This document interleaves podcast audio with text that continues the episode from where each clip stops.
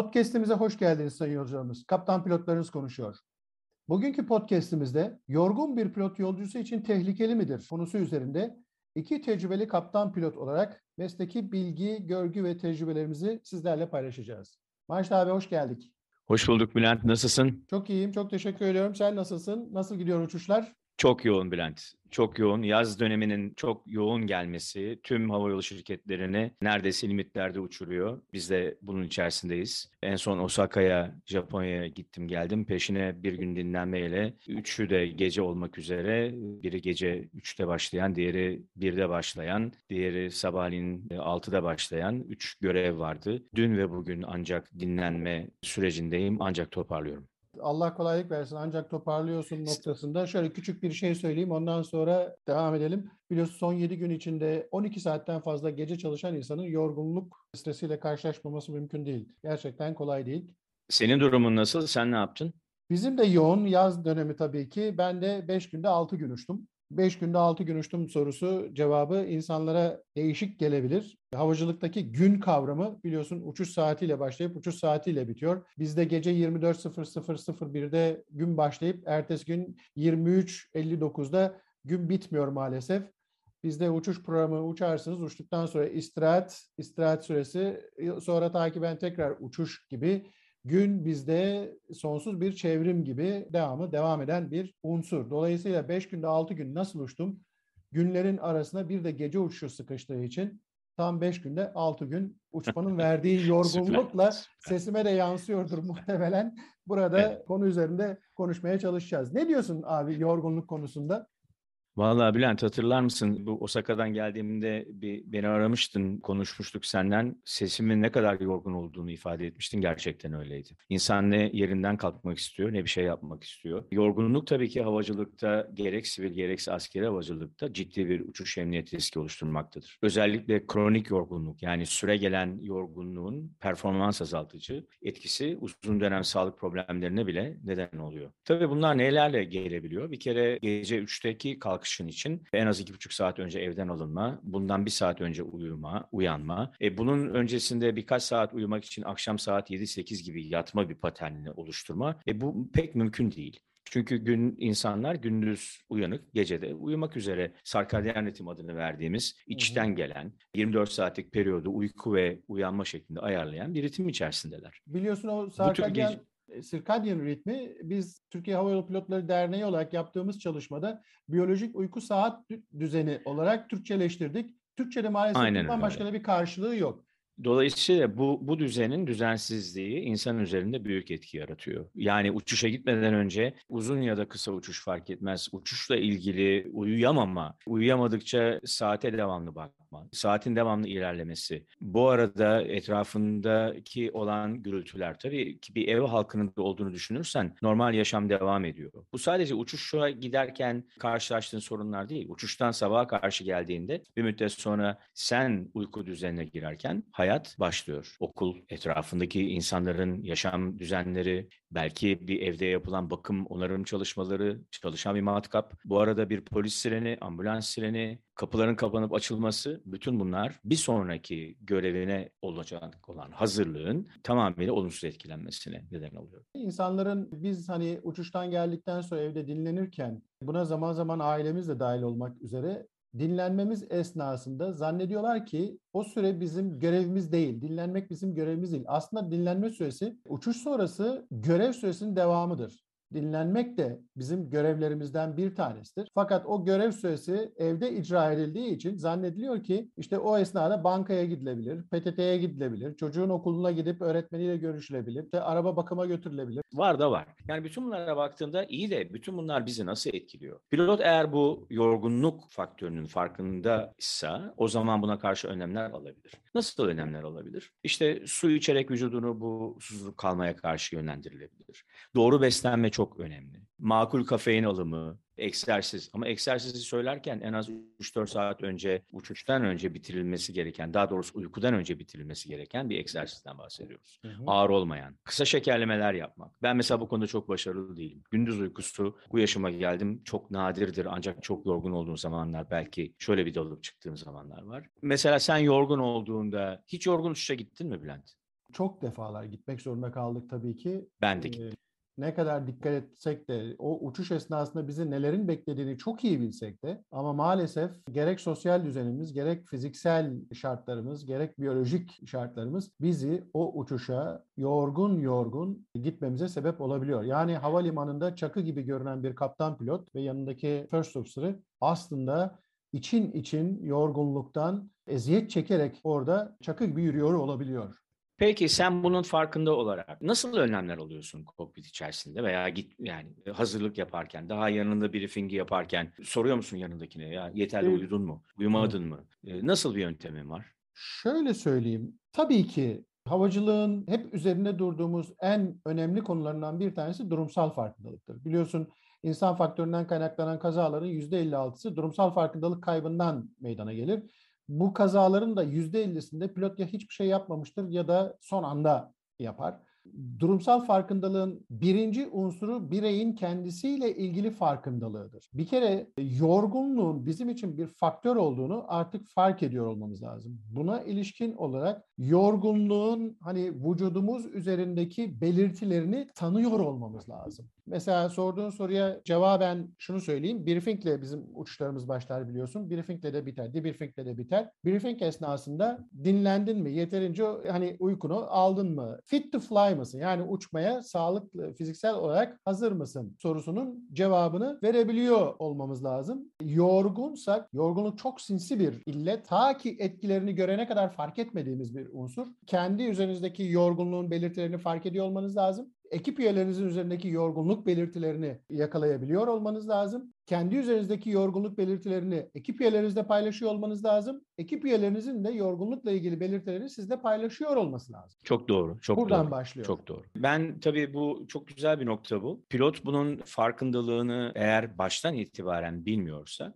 bunun farkında olduğu an her şey için çok geç olabilir. Evet. Neden daha çok geç olabilir? Daha yavaş reaksiyon zamanı, konsantrasyonda zorluk çekme, usulsel hatalar, dikkatli azalma ya da olaylara ön almada gecikme. Bizim mesleğimiz biliyorsun ön alarak yani proaktif yaklaşımları sürdürerek e, yapılan bir meslek. Unutkanlık, karar vermede gecikme veya bu yetenekte azalma. Karar verme bir pilot için önemli noktalardan bir tanesi. Kalkıştan vazgeçme ya da inişe devam etme ya da o anda olabilecek bir gerçek anormal durumda ya da bir uçak emerjensisinde çok seri şekilde e, uygulanması gereken pilot hareketlerinin yapılamama gibi bir şeye bir nedenle bitebiliyor. Kazalara baktığımızda Bülent kaç yüzde kaçının insan kaynaklı olduğunu düşünüyorsun bu zamana kadar? %70 ile %80 arasındaki faktörlerin Aynen. Ben de bu veriye ulaştım. kaynaklandığı düşünülüyor. Evet. Bunun da yüzde 15-20'si yorgunluktan kaynaklı olduğu belirlenmiş. Birkaç tane kaza var Bülent. Müsaadenle bunları bir anlatayım. Hı hı. Bir tane ilk başta olan 2009 yılında Kolgan Hava Yolları, daha sonra Rio de Janeiro'dan Fransız Hava Yolları'nın 447 uçuşu. Kaptan ben bu gece hiç uyuyamadım dediği hatırlayacağımız okyanusa kalkıştan sonra maalesef düşerek tüm yolcuların ve ekibin hayatını kaybettiği kaza. Kore Hava Yolları'nın kaptanın tamamıyla hatalı ve eksik kararlar verme sonucu oluşan bir kazası var. Aynı zamanda Amerikan Hava Yolları'nın da gene hava durumu ve hava durumundan kaynaklanan problemlere karşı yorgunluk nedeniyle tedbirlerini alamadığı bir kaza var. En sonda Özellikle- bu çok ilginç. E, Çok özür diliyorum. En sondaki çok ilginç. Genelde uzun uçuşlarda yorgunluklar mı daha çok etkilidir? Yani buradan benim bulunduğum yerden Dubai'den Amerika'ya uçuyorsunuz. 16 saat, 17 saat uçuş var. Ya da güneye gittiğinizde Auckland'a, Yeni Zelanda'ya. Nasıl oluyor? Sadece uzun uçuşlarda değil, kısa uçuşlarda da var. Çok ilginç bir olay bu. Go Hava Yolları Honolulu'dan kalkıyor 30 dakikalık uçuş. Kaptan ve birinci pilot uyuyor. Hilo adasını yaklaşık 48 kilometre geçiyorlar 21 bin fitte. Kontrolörlerin bağırması sonucu kulaklıklarda uyanıyorlar, inişe geliyorlar. Bir kazayla bitmiyor ama her ikisi de uyuduğunu itiraf ediyorlar. Ya burada bakarsan Ee, çok ilgili- önemli bir şey. Bununla ilgili Amerika Birleşik Devletleri'nde yaşanan başka bir olay var. Kule operatörü uyuyor ve meydan operasyona kapanıyor. Çünkü çok hareketli bir meydan değil. Kule operatörü operasyon esnasında uyuyor ve acil duruma gelen de bir uçak var. inemiyorlar ve sonra bakıyorlar ki kule operatörü uyumuş. Evet. Yorgunluktan uyumuş. Uzun süreli görev Yani burada tabii yor, yorgunluktan bahsederken biz kabin ekiplerimizin yorgunluğu, hava trafik kontrolörlerinin yorgunluğu, bakım ekiplerimizin yorgunluğu, aynı zamanda tren makinistlerinin yorgunluğu, bu tır şoförleri ya da kamyon şoförlerinin yorgunluğu bütün bunlar hepsi uykuyla bağlantılı ve tekrar eden görevlerin getirdiği problemler. Ama biz kendi alanımızdaki çalışmalara baktığımızda örneğin herkesin hatırlayacağı filminin de olduğu Clint Eastwood'un yönettiği Tom Hanks'in başarıyla oynadığı Sullenberg, Sully adlı film. Yapılan daha sonraki mülakatta Captain Sully diyor ki Jeff Skies'la beraber eğer biz bir gün önce dinlenmemiş olarak uçuşa gelseydik, yeterli dinlenmemiz olmasaydı biz bu başarılı inişi gerçekleştiremeyebilirdik. Orada, bu kadar basit. Çok haklısın. Orada biliyorsun kaptan ve first officer Amerikan kaza araştırma NTSB görevlileriyle birlikte otelde ilk sorguya alındıklarında sorulan ilk soruyu hatırlar mısın abi? Masanın bir tarafında onlar, bir tarafında kaptan ve first officer ve temsilciler. Uçuş öncesinde yeterince istirahat ettin mi? Uçuşa evet. başlamadan önce uçuş görev süresi, önceki uçuş görev süren ve istirahat süren neydi? Bu uçuşa dinlenme görevini yerine getirerek geldin mi? Bu uçuşa sorusunu sordular. Bunun başlangıcı buydu. Sonunda da hatırlarsan bir toplantıda 36 kere simülasyonun yapılması ve simülasyonda evet. simülasyonun başarılı olup da neden diğer meydanlara inilemediği sorusuna verdiği bir cevap var. İnsan performansı, reaksiyon 6 saniye. 6 saniyeden bahsediyoruz. İşte evet. bu yorgunluğun bu 6 saniyedeki işlevine bakarsak neden bu yorgunluk üzerinde ciddi şekilde durmamız ve e, pilotlar olarak, uçuş ekipleri olarak, bakım ekipleri olarak, kontroller olarak bunları iyi tanımamız, ailelerimizin de bu yorgunlukla ilgili olayda en az bizim kadar ferakarlık ettiğini biliyoruz. Ama onların da yaşamı içerisinde zaman zaman buna e, çok fazla bir uyum sağlayamamaları çok doğal. Biraz evvel bahsettiğimiz okuldur, normal yaşamdır, yapılacak işlerdir. Ama sonuçta bir pilot olarak bizler yorgunluğun bizim üzerimizdeki etkisinin öldürücü sonuçlar olabileceğini biliyoruz. Hatta bu konuda bizler bir büyük bir çaba içerisinde bulunurken sadece bizler değil, şirketler de bu konuda özellikle Uluslararası Havacılık Örgütü ICAO yoğun yorgunlukla ilgili bir risk araştırma programı var. Bütün şirketlerin bu programları e, mutlaka yürüttüğü, yürütmesi gerekiyor. Bizim şirketimizde de var. Yorgunluk e, fakat, yönetimi, e, yorgunluk yönetimi kavramı, kurumsal kavrama girmeden önce abi demin çok güzel bir şey söyledin. Hani öldürücü etkisi, yorgunluğun öldürücü etkisi konusunda biliyorsun bu konuda yapılmış bir çalışma var. Hani pilotun üzerindeki reflekslerin yavaşlaması dedik ya demin yorgunluğun belirtilerini gösterirken. Bu e, yorgunluğu ölçebilmek için alkolün etkisiyle yorgunluğun etkisini karşılaştırdıkları bir çalışma var biliyorsun. Bundan bahsetmek ister misin? Bülent sen bunu çok iyi hatırlayacaksın. 2006'da İFALPA'nın İstanbul konferansını bitirdiğimiz zaman bunun peşinde biz seninle büyük bir çalışma yaptık ve bir kitapçık yayınladık. Bu kitapçıktaki yayınlar tabii ki belgelere dayanan yayınlar ve bu yorgunlukla ilgili ölçümleri yaptıklarında 9 saati bulan görevden bahsediyoruz. Uçuş zamanından bahsetmiyoruz. Görev zamanı demek uçuşa gelmeden önceki bir saati ve uçuştan sonraki yarım saati kapsıyor yasal olarak. Hı hı. Ama biraz evvel anlattığım gibi aslında evinizi terk ettiğiniz an görev zamanı başlamış demektir. Evet. Tekrar evinize gelene kadar. Şimdi baktığında 9 saatlik bir görev zamanının eşdeğeri olarak bir bardak şarap bulunmuş. Yani bir, bir bardak alkol alan bir kişiyle 9 saat görev yapan bir pilotun vücutsal reaksiyon zamanları aynı. Evet. Ama 9 saatten sonra iş çok daha ciddiye gidiyor. İş lineer olarak, doğrusal olarak gitmiyor eksponansiyel evet. olarak yukarıya doğru fırlıyor. 13 saati bulduğunda ki bu görev zamanı hatırlıyorsun ne kadar olduğunu bir şişe şarap içmiş gibi vücutta etkisi bulunuyor. Şimdi e, bu soruyu iyi soruyorum ben. 13. saate eriştiğimde benim reaksiyon zamanlarım bir şişe alkol içmiş kişiyle aynı. Peki ben buna karşı ne yapmalıyım? İşte bilinç ve farkındalık burada devreye giriyor. Şöyle bir Sen bununla ilgili neler söylemek istersin? Şöyle küçük bir ek de ben söyleyeyim. Yapılan bu bilimsel araştırmalar biliyorsun Kinetics adı altında Avrupa Birliği çerçevesi adı altında bir araştırma yapıldı ve oradaki yapılan tespitler 18 saatin sonunda uykusuzluğun yarattığı bozulmanın etkisi kanında 80 promil alkol varmışçasına reflekslerin iki katı veya daha bozucu etki yapıyor. Ne demek bu 80 promil alkol?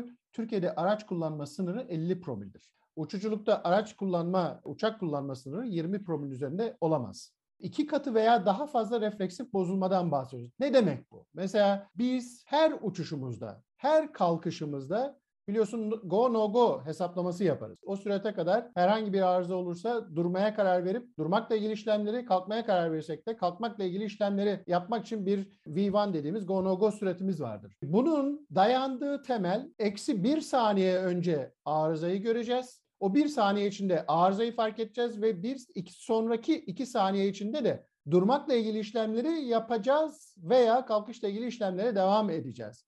Eğer bu 3 saniye içinde toplam 3 saniye içinde yapamazsak, uygun refleksi gösteremezsek o zaman uçağa durmak istediğimizde pistin içinde durması mümkün olmayabilir veya kalkışta maniaları geçmek istediğimizde manialara çarpma riskiyle karşı karşıyayız. Yani 3 saniyeyi biz iki katı refleksif bozulmayla 6 saniyeye çıkardığımızda durmak istediğimizde ya pistin içinde duramayız, kalkmaya devam edersek de 35 fitten geçmekle ilgili regülasyonun bize tanıdığı limit odur biliyorsun. 35 fitten geçmemiz gereken maniayı geçemeyebilme riskiyle karşı karşıyayız. Alkolün etkisini çok net bir şekilde göstermek maksadıyla aslında bu örnek çok kıymetli olduğunu düşünüyorum. Peki bu kadar tehlikeli de abi. Yorgunluk önceden tahmin edilebilir midir? Ya da ne bileyim önceden bunun tahmin edilmesini sağlayacak faktörler var mıdır? Nedir bu? Bu kadar mı kaçınılmaz? Bu kadar mı sinsi bir şeydir? Hiç mi öngörülemez? Havacılık her şeyi öngören bir proaktif yaklaşım içinde olan bir sistem biliyorsun. Bülent aslında öngörülen bir şey ama yaş, senin fiziksel aktiviten, beslenmen, kişisel psikolojik durumun, aile içi ilişkilerin, çocuklarla olan, çocuklarınla olan problemlerin. Örnek ben çocuklarım büyüdüğü için genelde dinlenme zamanımı eve geldiğimde kendime ait bir zaman olarak kullanıyorum. Ama biliyorum ki beraber uçtuğum kişilere gelip daha yürüyüşünden görüyorum. Nasıldı gece dinlenmen ya? iki tane çocuğum var çok küçük yaşlarda uyku problemi var, yaş olmamış. Ben de kendi adıma baktığımda bütün bunların Valla içerisinde neler, yani. Tabii neler neler getirebiliyor. Örnek yorgun ayak sendromu var, kas kasılmaları var. Bunun için bazı destekler almak zorundasın. Manezyum gibi uzun uçuşlar sonunda biliyorsun DVT adını verdiğimiz insanlarda oluşabilen derin damar tıkanıklığı var. Bu pilotlarda da var. Onun için evet. yerimizden kalkıp su içip tuvalete gitme ihtiyacını mutlaka sürdürmemiz gerekiyor. Bunun kontrolü için bizim şirketimizde her 20 dakikada bir kabin ekipleri ya fiziksel olarak gelirler ya da interkom yani dahili telefon vasıtasıyla ararlar. Maaş abi yorgunluktan bu kadar bahsediyoruz, bahsediyoruz. Biliyorsun bilim bu konuda bazı çalışmalar yapıyor. Her ne kadar e, yorgunluk konusu Türkiye'de bir tabu gibi, bir muamma gibi pek üzerinde konuşulan bir konu değil gibi.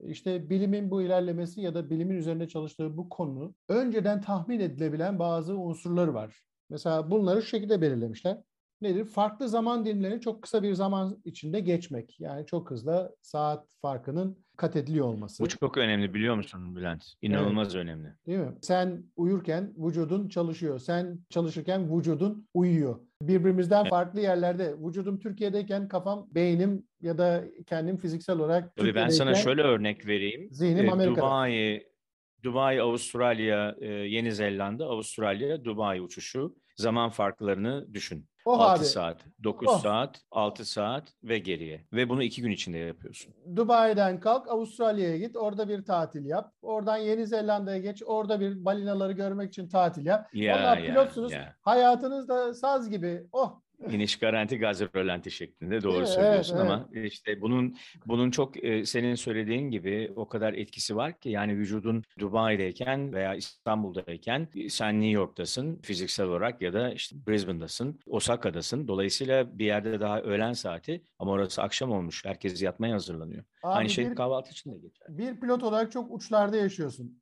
Bak dünyanın ortasında başladın. Haritada biliyorsun Türkiye ortada durur. Bir doğu ucuna gittin, bir batı ucuna gittin. Sonra aynen da diyorlar öyle. ki sadece onlar değil ki kuzey ve güney de var tabii. Evet, aynen. E, bu önceden tahmin edilebilen hususlardan bir tanesi mesela düzenli olmayan değişken çalışma zamanları. Bizde biliyorsun takvim saat hesabı yok. Çok iyi bildiğin gibi. Uçuş planlanır. Hangi saatte planlarsa planlansın. Ondan itibaren bizim için mesai başlar. Sonraki dinlenme süresi falan. Gece çalışma. Bizde gece gündüz çalışma farkı biliyorsun yoktur. Gece ile gündüz arasında bir fark yoktur. Her ne kadar Türk çalışma sistemindeki çalışma kanunlarına göre gece çalışma süresi limitlenmiş olsa bile Maalesef pilotlar çalışma kanunun dışında tutulduğu için bizi bütün haftanın 7 günü, haftanın 6 günü gece çalıştırabiliyorlar ve buna Ne diyorsun Bülent? Pilotların bir kanunu yok mu bu ülkede? Yok maalesef. Kanunsuz evet, abi. Değil mi? ne acı. kanunsuz. Ne acı. Neye tabi olarak belki pilotlar bu tür olaylarda hukuk veya adalet karşısında sorumlu oluyorlar? Evet, borçlar kanunu, evet, borçlar kanunuyla hayatımız dizayn ediliyor maalesef. Uçuş esnasında uzun süre uyanık kalma zorunluluğu, dikkatini muhafaza etme zorunluluğu, bu da yorgunluğu arttıran unsurlardan bir tanesi. Evet, ben bu arada girmeme Tabii. izin ver. Sizin, sizin şirketinizde uçuş sırasında kontrollü dinlenme gibi bir yöntem var mı? Yapılabiliyor mu böyle bir şey? Var abi. Çok kontrollü bir şekilde dinlenebiliyoruz. Yan tarafa kumandaları devrediyoruz. You have control diyoruz. Üç pilot uçtuğumuz zaman diğer e, üçüncü pilot arkadaşa koltuğu devrediyoruz. E, gidip arkada dinleniyoruz. Veya oturduğumuz koltukta kısa süreli 20 dakikayı geçmeyecek şekilde kısa süreli uykular yapabiliyoruz. Anladım. Bizde ee, de bizde ve e, örneğin bir şeyde İngiliz Hava Yolları'nda, Qantas'ta, Yeni Zelanda Hava Yolları'nda bunun süresi 40 dakika olarak belirlenmiş. 40 hı. dakikadan fazla dinlendiğin zaman uyandığında adaptasyon sorunun başlıyor evet. ve göreve başlamadan 20 dakika önce de uyanmış olman gerekiyor. Bu dönemde illa uyuman şart değil. Gözlerini kapatıp yani uçuştan o anda kendini ayırdığın bir dönem bu. Kulağa birazcık şey geliyor uçuş sırasında kontrollü dinlenme.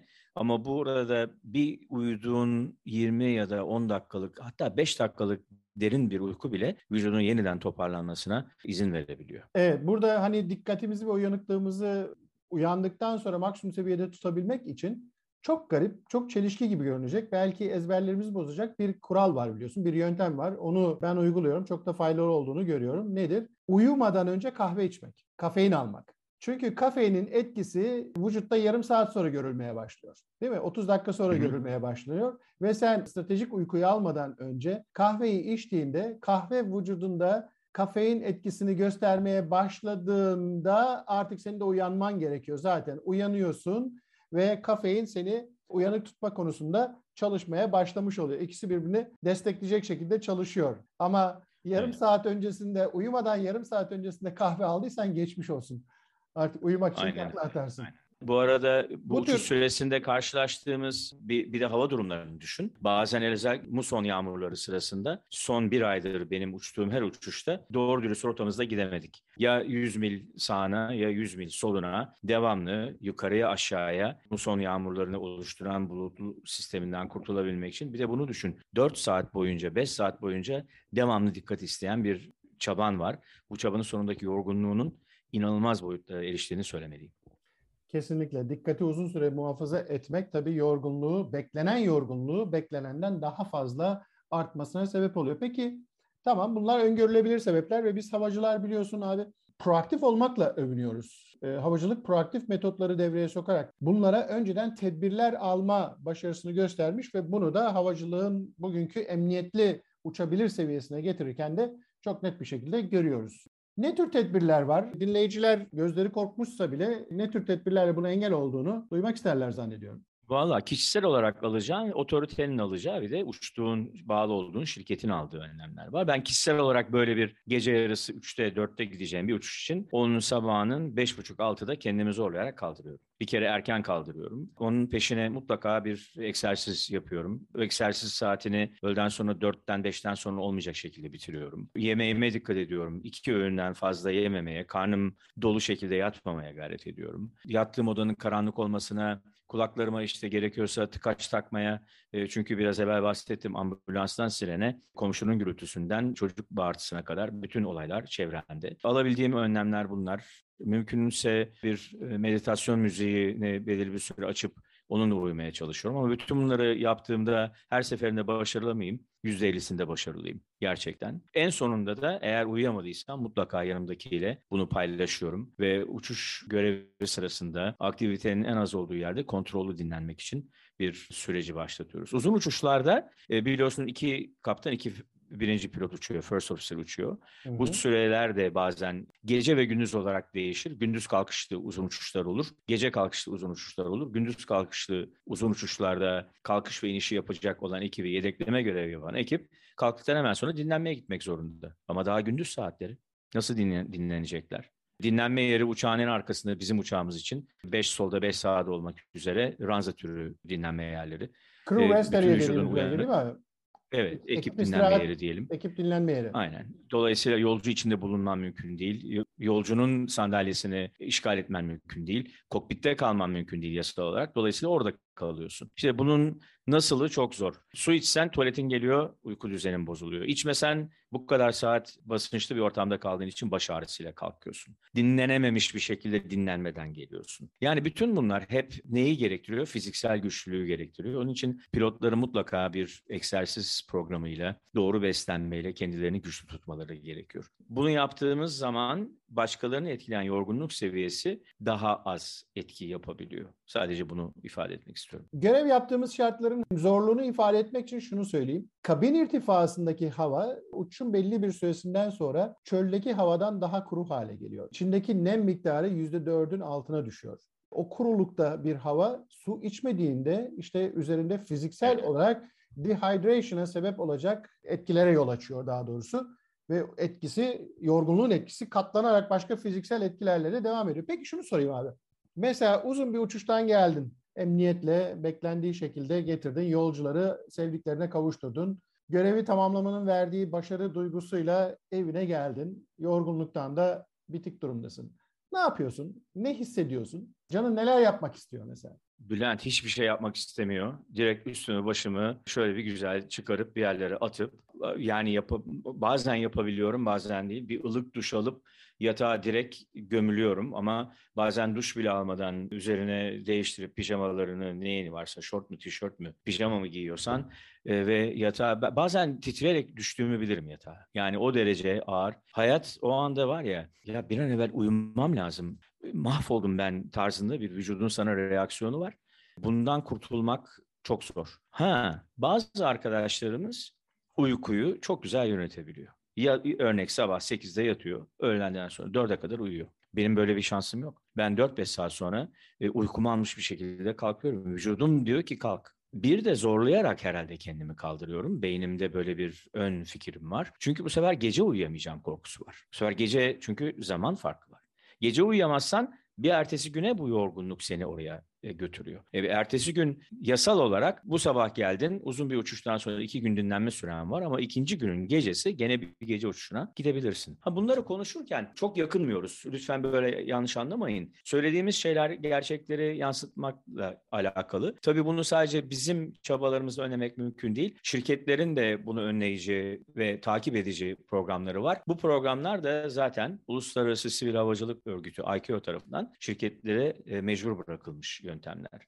E, yorgunsanız uçuşa gitmemek birinci kural. Yorgunsanız uçuşa gitmemek gerekiyor. Ama işte burada yorgunluk fiziksel olarak ölçülebilecek bir değeri yok. Göreceli olarak vücudunuzda bunu çok yorgunum, ben bu uçuşa gidemeyeceğim dediğinizde bunun etkileri de tabii ki öncelikle şirket tarafından size negatif olarak dönebilir. Buna rağmen buna hayır diyebilmeliyiz. Çünkü uçuş emniyetini bu yorgunlukla ihlal edecek bir yere gidemeyiz. Ha, konuşmanın başında yorgun gittin mi dedim sana. Evet dedin. Ben de gittim. Ama bunlar demek ki yönetilebilir yorgunluklarmış. Bu arada sana bir soru sorayım Bülent. Hiç yorgun olduğun için uçuşa gitmediğin oldu mu?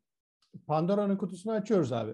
Sorumlu bir pilot olarak tabii ki uçuş öncesindeki dinlenme sürelerimi aktif olarak, verimli olarak kullanmaya çalıştım. Çalışmadığım zamanlarda doğal olarak kendimi yorgun hissetmediğim için uçuşa gittim. Bu Evet. kadar politically correct Ee, diyorlar ben ya. ben bir kere bir kere böyle bir durumda kaldım Ee, ve e, uçuşu ertelettim. Yatıdaydık. Çeşitli nedenlerden dolayı geç kalktık. Gittiğimiz zaman dinlenme süremiz yeterli yoktu ve şirketi aradım dedim ki biz yarın şu saatten erken kalkamayız. Evet. Çok yorgunuz. Dinlenme süremiz bunun e, mümkün değil e, sağlamaz ve şirket de bu konuda hakikaten çok olumlu bir yaklaştı. Hiçbir zaman bir soru sormadılar. Yok, Ee, bu Ama konuda- bunu böyle derken e, biliyorsun Bülent bugün e, kızım bana haber verdi. Bir gazetemizde e, yazı yazan bir havacılık e, yorumcusu ve havacılık uzmanının e, bir havayolu şirketinden pilotlarla yaptığı konuşmalar sonucunda onların ne kadar yorgunluştuklarını ve bunların ne kadar tehlikeli ortamlar oluşturduğunu anlatan bir tweet serileri var. Onları gönderdi. Aslında ifade edilen şeyler hep bizim burada söylediği olaylar. Biraz evvel konuştuk yaklaşık 10 dakika kadar önce. Ya Türk pilotların burada bir yasası yok mu diye sana sormuştum. Tabii ki burada biraz biraz eleştirisel bir yapı var.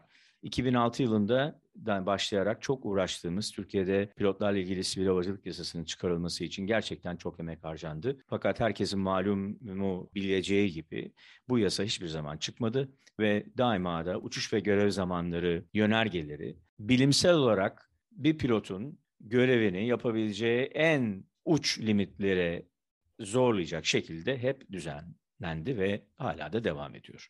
Tabii burada şu bunu söylerken şu parantez daha Bunu söylerken lazım. kimseyi kimseyi itham altında bırakmak istemiyorum. Yalnızca bu konuda ne kadar dikkat edilmesi gerektiği ve uçuş emniyetinin böyle bir yorgunluktan dolayı ihlal edilerek bir kazaya neden olabileceğini de unutmaması gerekiyor. Pilotlar, otorite ve bağlı bulunan havayolu şirketi. Tabii bunu söylerken söylediğin şeydeki ilk başlangıçtaki ICAO'nun çatı kuruluş olarak ICAO'nun spesifik olarak da Türk Sivil Havacılığı'nın veya Avrupa Havacılık Birliği'nin EASA'nın veya Amerikan FAA artık her otoritenin otoritesini kullandığı bölge olarak düşündüğümüzde emredici unsuru var. Yorgunlukla mücadele için Fatigue Risk Management adı altında her şirket kendi şirket yorgunluk riskine karşı bir politika belirlemek ve bu politikayı da işletme operasyonunda uygulamak zorunda. Evet her şirket bunu yasal olarak yapıyor. Uçuşlar legal mi? Legal. Limit içinde mi? Limit içinde. Fakat insan faktörü göz ardı edilerek limit içinde. Demin çok güzel bir örnek vermiştin. Hani dedik Türkiye dünyanın ortasında gözüküyor haritanın. Bir sağında ucuna gidiyorsun abi, doğusunda bir batısında ucuna gidiyorsun. Bir pilotu e, götür dünyanın doğu ucuna, orada yatır, minimum reste kaldır getir. Evet limit içi. Türkiye'de ortada minimum restini ver. Ondan sonra da gönder bunu dünyanın batı ucuna. Orada yatır getir. Limit içi mi? Limit içi. Asla limiti aşamıyorsun. E, fakat insani mi? İnsani değil. İnsan biyolojisine uygun mu? İnsan biyolojisine asla uygun. Aynen. Ne sosyal Aynen. düzen uygun, ne psikolojik düzen uygun, ne hiçbir şey uygun değil. Peki yorgunluğun belirtileri olarak mesela ortaya çıkan unsurlar olarak baktığında ben de e, demin sana sorduğum sorudan şöyle bir şey söyleyeyim abi. Ben de mesela uçuştan geldiğimde, yorgun olarak geldiğimde ilk yaptığım şey çantayı kapının ağzına bırakmak. E, yatı çantamı, bavulumu, uçuş çantamı neyse kapının ağzına bırakmak bir. ikincisi ayakkabılardan kurtulmak. Ayakkabılardan kurtulur kurtulmaz çoraplardan kurtulmak. Çok doğru o uçuşun uzun uçuşun verdiği o şişlik şeylerinden artık böyle üzerimdeki şeylerden kurtul. Kemeri hemen kurtul, kemerden kurtul. Gömleği pantolonun dışına çıkar, yakayı aç, kravatı çıkar. Git kendini televizyonun karşısındaki kanepeye at. Eller, kollar, ayaklar uzun yatar pozisyonda. Ondan sonra eline kumandayı al. Televizyonda boş boş belgesel seyret.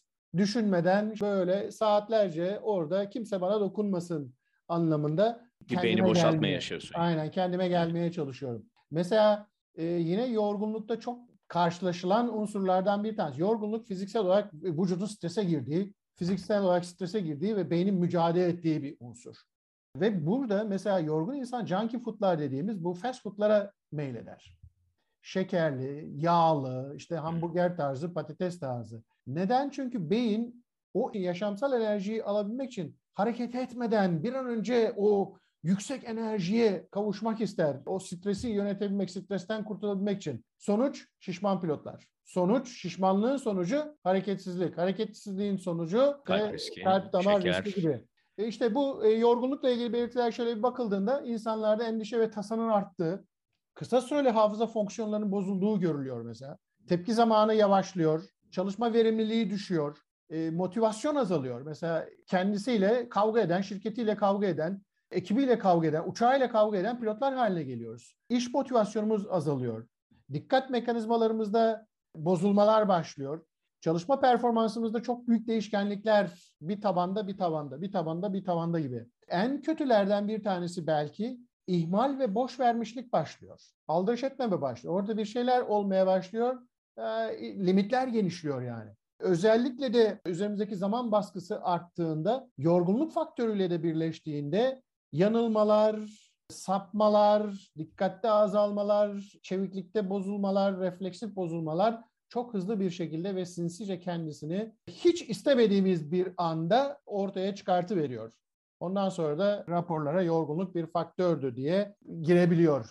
Bütün bunların ışığı altında zannediyorum ki genelde bütün noktaları kapsadık. Tabii ki bir an evvel özellikle ülkemizde uçuş görev zamanları ilgili yönergelerin yapılmasında gerek Pilotlar Derneği gerekse aktif olarak uçan tüm pilotların e, görüşlerinin de alınabileceği bir ortamın oluşturulması ve tüm birimler için sadece bir daha evvel de söyledim pilotlar, kabin ekipleri, bakım, hava trafik kontrolörlerimiz de dahil olmak üzere şu anda bir uçuşun gerçekleştirilmesinde imkanı bize bu olanağı sağlayan tüm ürün unsurlar için sağlanması gerekiyor. Sonuç kısmına girmeden önce bir şey daha eklemek istiyorum. Uçuş görev sürelerinden bahsediyoruz hep. Uçuş görev süresinin uzaması ile ilgili sıkıntılardan ya da risklerden bahsettik hep. Tabii nedir buradaki risk dediğimizde görevin sonunda artık insanlar tam böyle sevdiklerine kavuşacak. İşte iniş için hazırlıklara başlıyor. Yolcular arka tarafta gidip ellerini yüzlerini yıkamaya başlıyorlar. Çantalarını açıp makyajlarını yapmaya başlıyorlar gibi. İşte 12-13 saatlik bir süre geçmiş oluyor. Daha uzunsa 14-15 saate kadar giden süreler oluyor.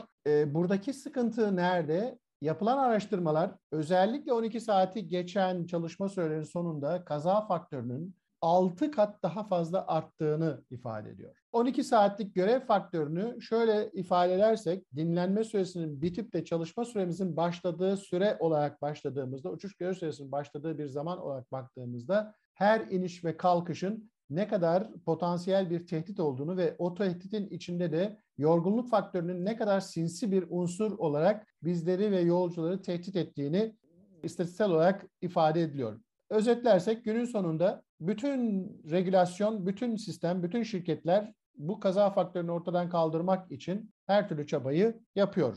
Başarılı mı? Evet başarılı. İstenilen kadar başarılı mı? İstenilen kadar başarılı olmasa da en azından bizim açımızdan, bizim gözümüzden havacılık sektörünün bir endüstri haline gelebilmesinin güvenlik faktöründen geçtiği düşünülürse tarifeli sefer yapan havayolu şirketlerinin 1 bölü 100 binden daha küçük kaza oranının olduğu düşünülürse yapılan e, işlerin veya alınan önlemlerin ne kadar işe yaradığı konusunda da ifadelerimizi güçlendirmemiz gerekiyor diye düşünüyorum. Bülent'ciğim ben e, sana karşı gelmek gibi bir durumda değilim ama e, burada 1 bölü 100 bin bile bir rakam olarak kabul edilecek bir rakam değil. Burada yapılan bütün bu çalışmalar tabii ki şirketlere, şirketlerin adlarına sürülecek lekeler, e, sigorta primleri, sigortaların yüksek olması, o şirketle uçuşa duyulan güven e, konularında bir artı faktör olarak e, ortaya giriyor. Ama ben gene de kendi adımıza söylüyorum. Türk Sivil Havacılığında kesin ve kesin uçuş görev zamanları ilgili düzenlemelerin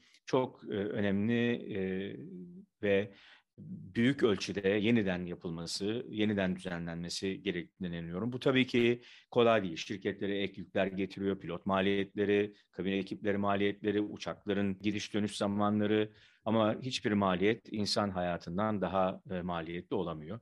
Onun için ümit ediyorum ve dua ediyorum ki bir an evvel Türk Sivil Havacılığı da bu düzenlemelere kanun olarak gider. Yönetmelik var. Hiçbir şekilde itiraz etmiyorum. E, yönetmeliğimiz var. Gene de söylediğin gibi 50 yani belirli bir oranda bunun azaltılması için çok yararlı, faydalı. Tam mı? Tam değil. Bu nedenle de bu konudaki beklentilerimi yeniden ifade ederek ben son sözü sana bırakıyorum kapanış sözünü. Türkiye'de kanun eksik mi? Eksik değil. Türkiye'de kanunun uygulanmasıyla ilgili kısmında gelişime açık alanlar var. O kısmı mutlaka geliştirilmesi konusunda destekliyorum. Bizde de Avrupa Birliği'nin kanunu aynen uygulanıyor. Ama iş uygulamaya geldiğinde işte orada insani olmayan faktörler devreye sokulabiliyor. O kısmının mutlaka iyileştirilmesi gerektiğini bundan eziyet çeken biri olarak ben de katılıyorum. Diğer tarafta sonuç olarak şunu söylemek isterim. Yorgunluk belki de sivil havacılığın tehdit olarak tanımlanması en kolay, unsurları çok kolay tespit edilebilecek, öngörülebilecek bir tehdidi. Çünkü sonuçta baktığımızda yorgunluk aslında bir planlama problemidir. Tehdit bu kadar açık ve bu kadar kolay belirlenebilir duruyorken biz profesyonellerin veya kanun yapıcıların veya kamuoyunun bu tehdide karşı gerekli önlemlerin alınması için gerekli sorumluluğu yerine getirmesi lazım. Kamuoyu da bunu talep etme konusunda kendi üzerine düşen sorumluluğu almak zorundadır. Yoksa pilotlar bazılarının dediği gibi çok para kazanan şımarık çalışanlar değillerdir. Bugünkü podcast'imizde yorgunluk faktörünün pilotlar, şirketler ve yolcu açısından unsurlarını çok geniş bir yelpazeden ele almaya çalıştık. Bir dahaki podcast'imizde Tekrar görüşmek üzere. İyi uçuşlar, iyi inişler diliyorum. Hoşça kalın. Görüşmek üzere. İyi inişler.